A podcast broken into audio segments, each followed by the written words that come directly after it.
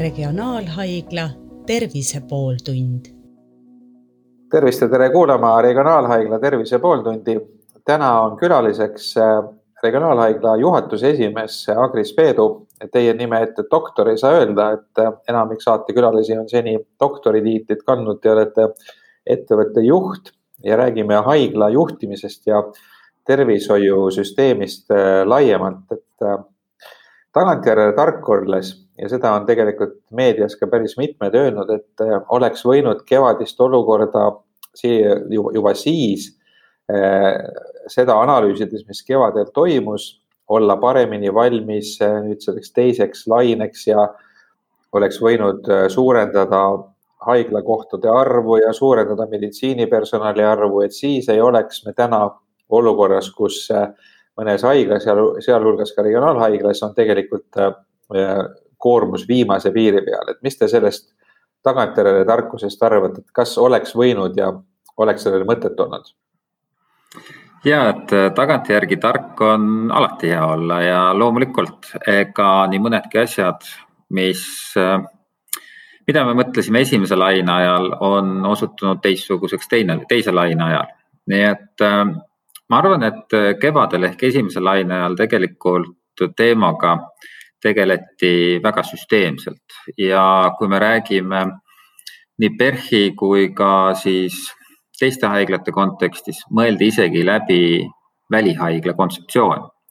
aga praegu teise laine ajal on ilmselgelt aru saada seda, et välihaigla ei sobituks erinevate põhjuste tõttu. esimese laine ajal võib-olla tundus isegi adekvaatne, aga praegu me saame aru, et, et tegelikult tuleb hakkama saada teisiti. Ja mida me veel peame arvestama siin seda, oli see, et, et esimese laine ajal oli tegemist ju meie jaoks täiesti uue viirusega. ja pole aastakümneid olnud vist üle, mitte üleriigilist, vaid isegi ülemaailmset pandeemiat. Ja seetõttu see oli kõikidele uus kui me vaatame regionaalhaigla suunas, siis võiks isegi öelda, et me olime nagu kriisideks valmistunud, aga me olime valmistunud sellisteks kriisideks nagu rongiõnnetus, laevahukud, lennukiõnnetused, aga üks plaan meil puudus ja see oli pandeemia plaan. tegime küll kiiresti ära, aga tõepoolest, me ei olnud nagu kõige paremini valmis, sellepärast et me ei eeldanud, et seda oleks vaja teha. aga äh, jällegi äh, need lained, ei esimene laine ega teine laine ei ole tegelikult äh, omavahel võrreldavad, et kui me mõtleme tagasi esimese laine peale, siis me võiks öelda, et väga hea äh, oli veidikene patsiente, tuli eriolukord, saime ette valmistada ja me tegimegi väga häid ettevalmistusi, planeerisime teekondasid, mõtlesime läbi erinevaid momente äh,. väga mitmed aspektid juhtusid positiivselt äh, nii haiglates kui üleriiklikult äh, ka esimese laine ajal, võtame nagu kaugkonsultatsiooni. tegelikult äh, ma ei uskunud, et haiglates, kus teataval määral on selline konservatiivne ellusuhtumine asjadesse, noh, teaduspõhisus ja nii-öelda konservatiivsus, et nii aktiivselt arstide poolt võetakse üle kaugkonsultatsiooni võimalust, olgu siis telefon või video.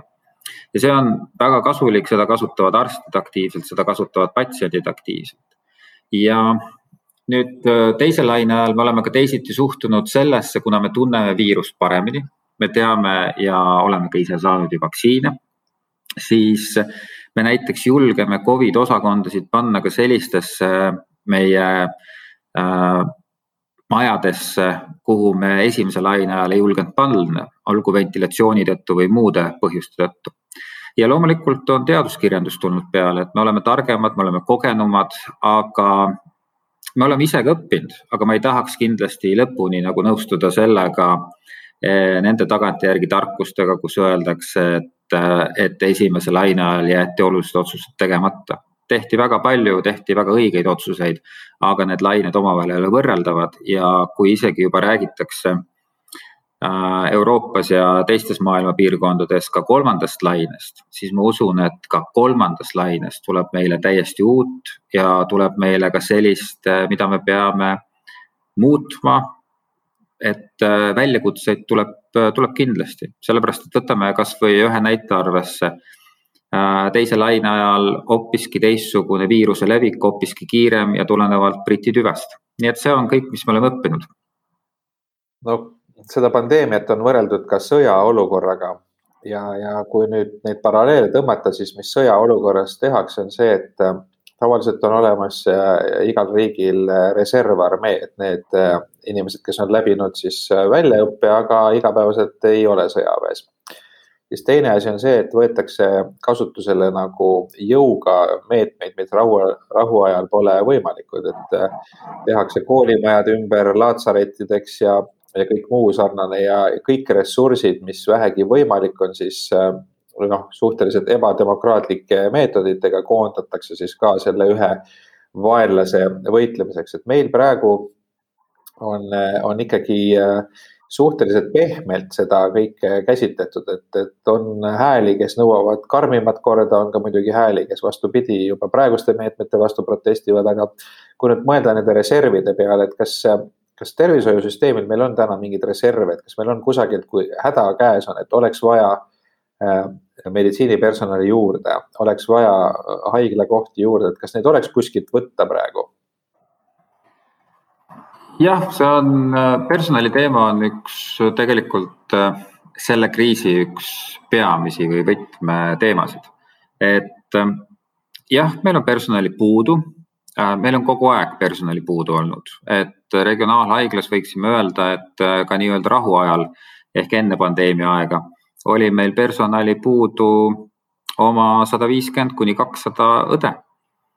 ja seda oli ka nii-öelda rahuajal keeruline saada, ilmselgelt on praegu veelgi keerulisem saada.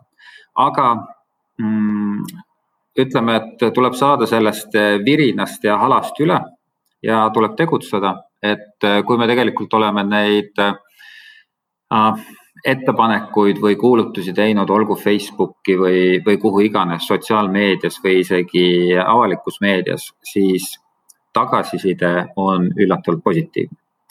Need, kes äh, töötavad kuskil mujal tervishoius ja näiteks on seal osakoormusega, soovivad enda koormust tõsta.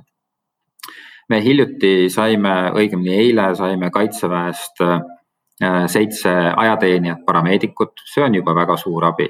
Ja, ja tegelikult meil, meil nii mõnedki kliinikute juhid ütlesid, et, et nende eilne päev oli positiivne ainuüksi seepärast, et nad nägid neid entusiastlikke noormehi, kes tahtsid tulla ja tahtsid tulla toimetama.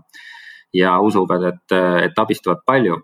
aga on, on selliseid suurepäraseid üllatusi ka, et täpselt samal nädalal või käesoleval nädalal võttis minuga ühendust minu kunagine kolleeg juristiharidusega, kes teatas, et ta on läbimas Covid hooldaja kiirkursust. ma olin tõesti üllatunud, ta toimetab igapäevaselt juristina, aga tema suur soov ongi sellesse panustada. ja, ja nii meie õendusdirektor ongi temale organiseerimas siis äh, aprillikuuks meile tööd hooldajana et äh, tegelikult seda ressurssi leiab ja tuleb olla nutikas, et äh, tuleb kutsuda, tuleb endast märku anda, et meil on vajadus.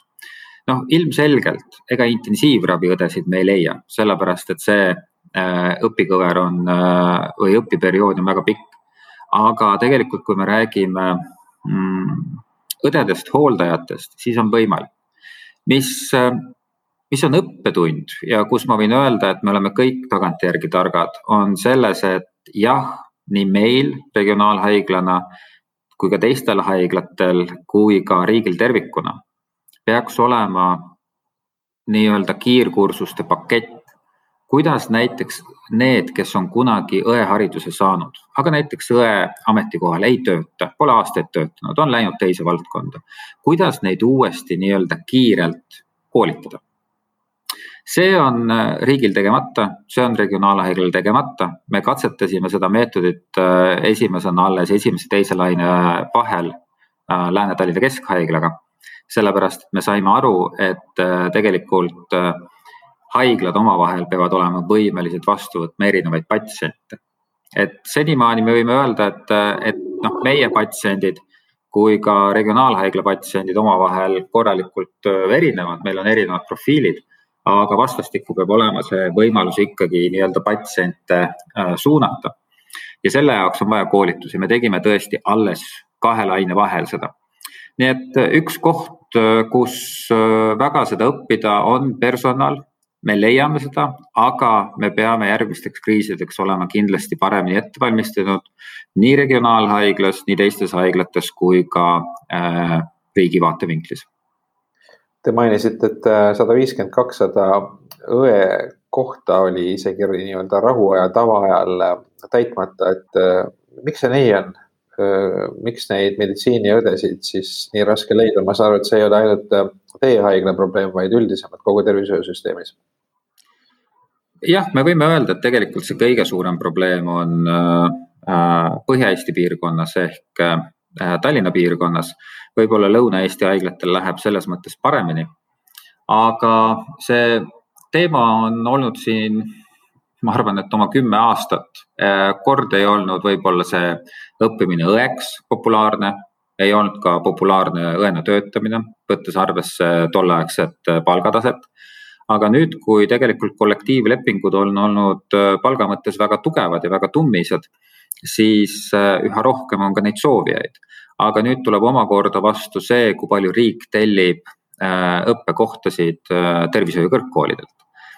et seda on ka nüüd paar aastat siin arutatud, et võib-olla see õdede õppekohtade arv peaks suurenema aga jah, ma arvan, et äh, see nüüd pandeemia vähemasti näitab seda, et äh, selle teemaga tuleb kiiresti ja, ja otsustavalt nagu edasi liikuda.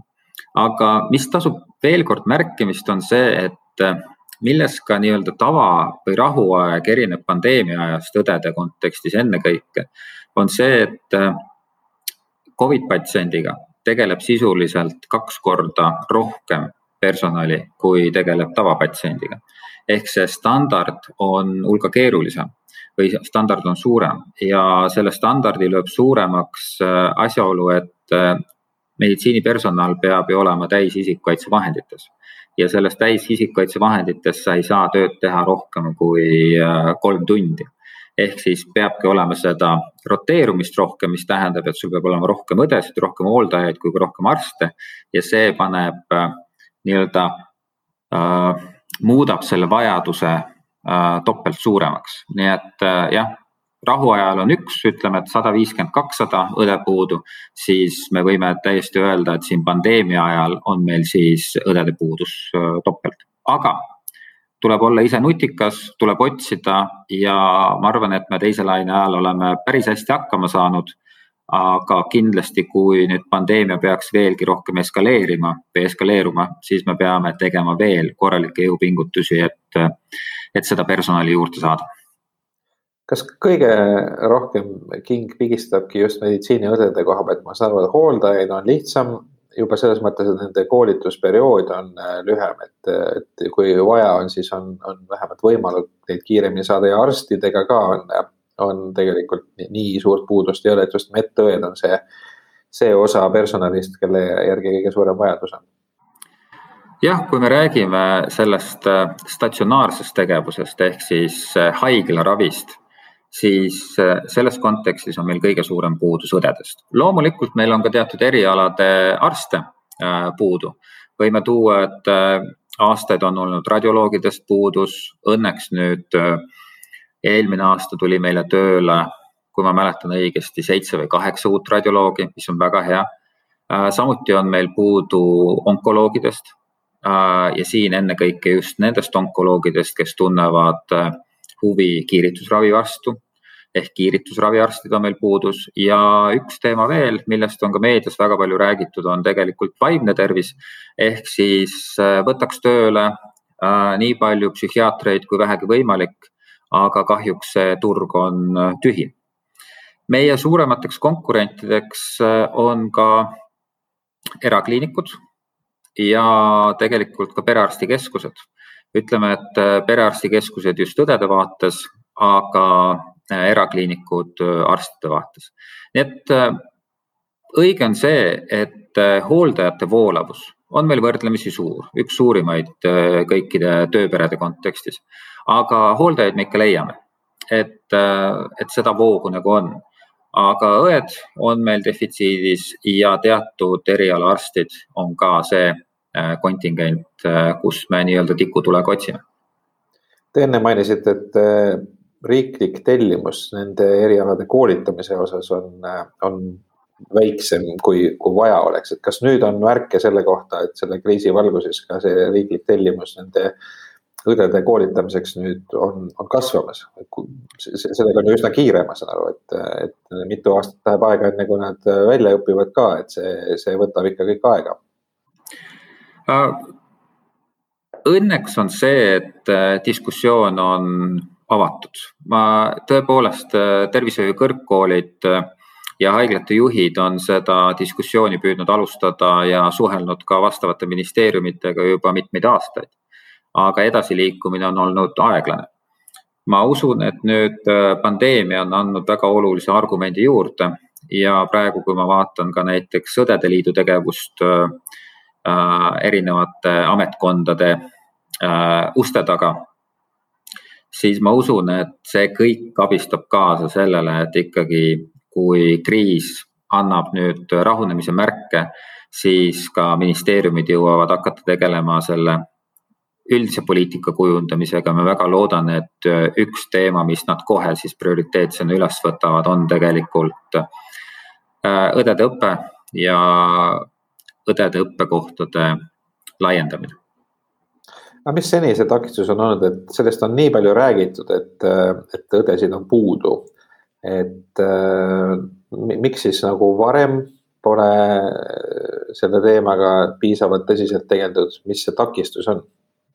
no ma arvan, et äh, üheks väga selgeks takistuseks on alati riigieelarve ja riigieelarvelised võimalused, et äh, see ongi mu lootus, et, et kui valitsus on nii praegune kui ka eelmine on tegelikult äh, väga kiiresti äh, toetanud meditsiinisektorit äh, saamaks hakkama Covid kriisiga või selle pandeemiaga, siis ma tegelikult väga loodan, et kui kriis hakkab taanduma ja me nii palju kui võimalik enda tavaellu jälle naaseme, siis ei unustata meditsiinisektorit ära, vaid ka järgmistes riigieelarvestes nähakse ikkagi ette seda, et Äh, õendusvaldkonda tuleks äh, tugevdada? no meditsiinisektori töötajad, äh, kõik siis seal on nüüd aasta aega juba pisut rohkemgi aasta olnud väga suure koormusega. ja kui siin praegu poolirooniliselt räägitakse sellest, et suvi jääb vahele, siis ilma igasuguse naljata on mõnedel meditsiinitöötajatel eelmine suvi vahele jäänud, et nad ei saanud suvel puhata. et kuidas te selle väljakutsega toime tulete, et hoida neid inimesi äh, ja, ja, ja hoida neid niimoodi, et nad läbi ei põleks ja et nad suudaks edasi töötada ja saaks ka oma isiklikku elu elatud ja oleks õnnelikud? Ja jällegi väga oluline teema, ühest küljest äh, see, et äh, haigla teeks seda tegevust, mis ta peaks tegema, ehk siis äh, võtta vastu patsiente ja neid ravida. aga teisest küljest me ei saa unustada loomulikult seda töötegijate seltskonda, kes seda ravitööd tegelikult organiseerivad ja teevad. et hea meel on selle üle, et kui me vaatame möödunud aasta puhkuste statistikat, siis me näeme, et tegelikult puhkusepäevade arv, mis on ära kasutatud, ei erine oluline, oluliselt äh, aastast kaks tuhat üheksateist. vaatamata sellele, et äh, me arvasime, et me ei suuda teha äh, ravirahastuslepingut ehk meie ravitellimust täis, mida Haigekassa meile iga-aastaselt annab, siis ikkagi meie klinitsistid enda tegevust väga oluliselt võimestasid, just ma võin ära tuua juulikuu kui ka detsembrikuu, mis tegelikult tavaolukordades on ju sellised, üks on puhkusekuu ja teine on ka nüüd pühadekuu või selline puhkusekuu, siis suudeti väga korralikult võimestada ja me saime tehtud väga suures ulatuses selle ravirahastuslepingu ehk täitsime seda tellimust, mis tähendas see, et me võtsime vastu nii palju patsiente, kui me vähegi suutsime, olgu siis ambulatoorselt või olgu päevaravis või olgu statsionaarselt. aga üks moment tõesti jäi silma, oli see, et ainukene nii-öelda tööpere, kes vähem puhkas võrreldes siis aastaga kaks tuhat üheksateist, olid arstid et teised tundub, et said puhata, aga samas äh, ega see puhkus ei pruugi tähendada seda, et äh, nad on sellest esimesest lainest nii-öelda ka tegelikult välja puhanud äh,. ja kui me vaatame nüüd käesolevat aastat, me vaatame eelmise aasta lõppu ja tegelikult mulle tundub, et noh, et äh, see teine laine kestab meil kindlasti siin kuu-poolteist veel, siis äh, esiteks ma olen üpriski mõtlik ja ärev selles osas, et kui hästi me suudame tegelikult seda ravitööd see aasta äh, mahtude näol teha. kui ma võrdlen aastat kaks tuhat kakskümmend ja praegust aastat, siis ma siiralt ei näe, et äh, sellist äh, plaanilise tegevuse võimestamist, mida kliinitsistid tegid möödunud aasta, et me suudaksime teha ära see aasta.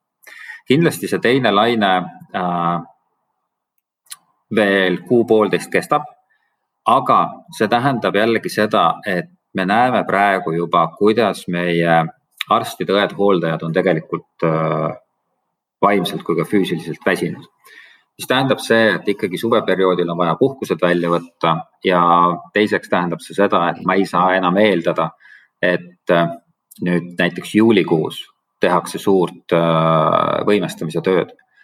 Puhkused, väsimused, see on kõik need argumendid, miks ma ei usu, et meie plaaniline tegevus või ravitöö saab olla nii võimestatud ja nii efektiivne, kui oli möödunud aastal. et seda kahte aastat ma jällegi suurde võrdlusesse ei paneks mis me veel pakume? kindlasti me oleme juba esimesest laineajast pakkunud enda töötajatele äh, vaimse tervise nõustamist, olgu psühholoogide, psühhiaatrite näol või ka äh, meie hingehoidjate näol. Et äh, meie palliatiivravikeskus, meie psühhiaatriakliinik kui ka meie erapartner pakuvad siis meie töötajatele nõustamist ja seda on kasutatud, aga võib-olla isegi natukene vähe. et äh, me kuuleme probleeme ja me suuname inimesi, me suuname juhte, et, äh, et äh, märgake enda kolleege, märgake ennast ja minge ja suhelge siis olgu psühholoogi või psühhiaatriga, et see on praegusel ajal vajalik. Ja võib-olla selline vanem generatsioon kardab seda, et Äh, tegemist on kuidagi stigmatiseerimisega, kui ma lähen sellisele nõustamisele, aga ma arvan, et praegusel ajastul, praeguses kriisis on rohkem aplodeeritav tegevus ja kindlasti mingit stigmatiseerimist äh, praegu küll ei peaks äh, kartma, nii et julgelt tuleb minna ja seda me püüame ka omalt poolt siis kommunikeerida töötajatele no vaktsineerimise teema on väga tuline teema ja, ja on infot äh, meedias selle kohta, et, et ka meditsiinitöötajate seas on päris palju neid, kes äh, eelistavad mitte vaktsineerida ennast. et äh, kuidas selle probleemiga hakkama saada, et noh, mõnedes äh, Äh, valdkondades on äh, teistes riikides juba isegi äh, mindud nii kaugele, et ei olegi võimalik teatud töid teha, kui vaktsineeritud ei ole või läbi põdenud koroonat, et see on eelduseks. samas, kui meil juba on puudus personalist, siis ilmselt veel mingeid lisapiiranguid seada ei ole võimalik, et kuidas, kuidas selle vaktsiini vastasusega hakkama saada? meil on häid näiteid, meil on äh, negatiivsemaid näiteid. et äh, kui me vaatame statistikale otsa, siis regionaalhaiglas on praegu vaktsineeritud kuuskümmend seitse protsenti töötajatest ja tuleb ausalt tõdeda, et äh, see on veidikene mm, kurb tulemus. me tegelikult enda sisimas me ei oodanudki enamat, sellepärast me teame, kui aktiivne on olnud möödunud aastatel gripi vaktsineerimine me teame eos, et kes on edumeelsemad, me teame, et psühhiaatriakliinik on edumeelne, nad olid gripi vaktsineerimisel aastaid edumeelsemad. Ja ka nüüd praegu äh, Covid pandeemia ajal. ja on siis meil jällegi teatud äh, üksused, kes on äh, passiivsemad selles, aga see palju sõltub ka tegelikult juhist, see sõltub see, kui aktiivselt äh, juht viib infot edasi me kindlasti näeme, et äh, arstide puhul on aktiivsus suurem, arstide puhul on meil vaktsineeritus üle kaheksakümne protsendi, täpselt sama arst-residentide puhul. aga meie jällegi murekohaks on äh, ennekõike hooldajad, aga samas ka tugipersonal, võtame köögitöölised ja siin tuleb jällegi mängu tegelikult äh, see, milline on inimese emakeel. me oleme püüdnud väga mm, kogu infot jagada kakskeelsena. me oleme aru saanud, et äh, kui me jagame seda infotundidel eesti keeles, kui me jagame seda siseveebis, siis see hästi ei tööta ja nii me hakkasime ka tegema meie nädalakirja paberkandjal millele me eeldasime, et äh, me ei pea tagasi minema, aga tõesti praegustes tingimustes on vaja seda, on vaja, et paberkandjal ja kakskeelsena oleks see info kättesaadav nii teadete tahvlitelt osakondades kui ka siis äh, puhketubades. ja see on kindlasti abistanud, et see testimine on äh, läinud edasi. et loomulikult jällegi küsimus see, et millist vaktsiini keegi tahab, kes tahab AstraZenecat, kes tahab Pfizerit aga see võimalus on meie töötajatel kõikidel olemas. nagu ma ütlesin, see alla seitsmekümne protsendine vaktsineeritus ei tähenda seda, et me haiglas saaksime enda tegevust korraldada äh, nüüd paremini. et äh, tänu vaktsineerimisele on kindlasti äh, haiglasiseste kollete arv vähenenud võrreldes näiteks esimese lainega. aga ikkagi meil on juhtumeid, kus meie vaktsineerimata töötaja nakatab patsienti. see on tegelikult kõige kurvem selle asja juures, sellepärast et äh, on eeldada, et kui patsient tuleb regionaalhaiglasse, siis tal on tõsine tervisemure. ja kui ta saab sinna juurde ka veel Covid äh, nakkuse, siis võib väga juhtuda see, et see patsient satub intensiivravile. ja loomulikult me kasutame siin erinevaid riskide maandamise meetmeid olgu selleks siis isikukaitsevahendid, olgu selleks äh, patsientide testimised, olgu selleks ka äh, registratuurides kaitseklaasid, olgu selleks see, et me oleme ventilatsioonisüsteemid üle vaadanud. aga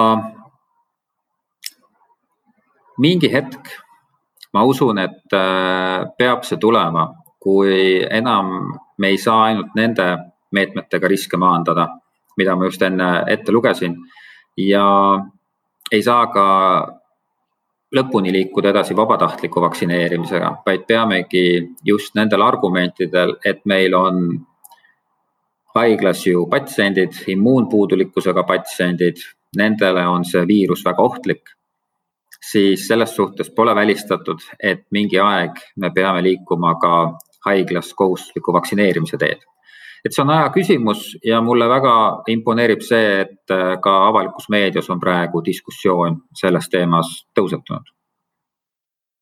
Äh, suur tänu, Agris Peedu, Regionaalhaigla juhatuse esimees, äh, selle vestluse eest ja soovin teile ja kogu haigla perele siis jõudu ja vastupidavust selles raskes töös, mis te praegu eesliinil teete, aitäh!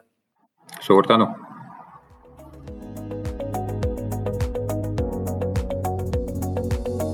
Regionaalhaigla Tervise pooltund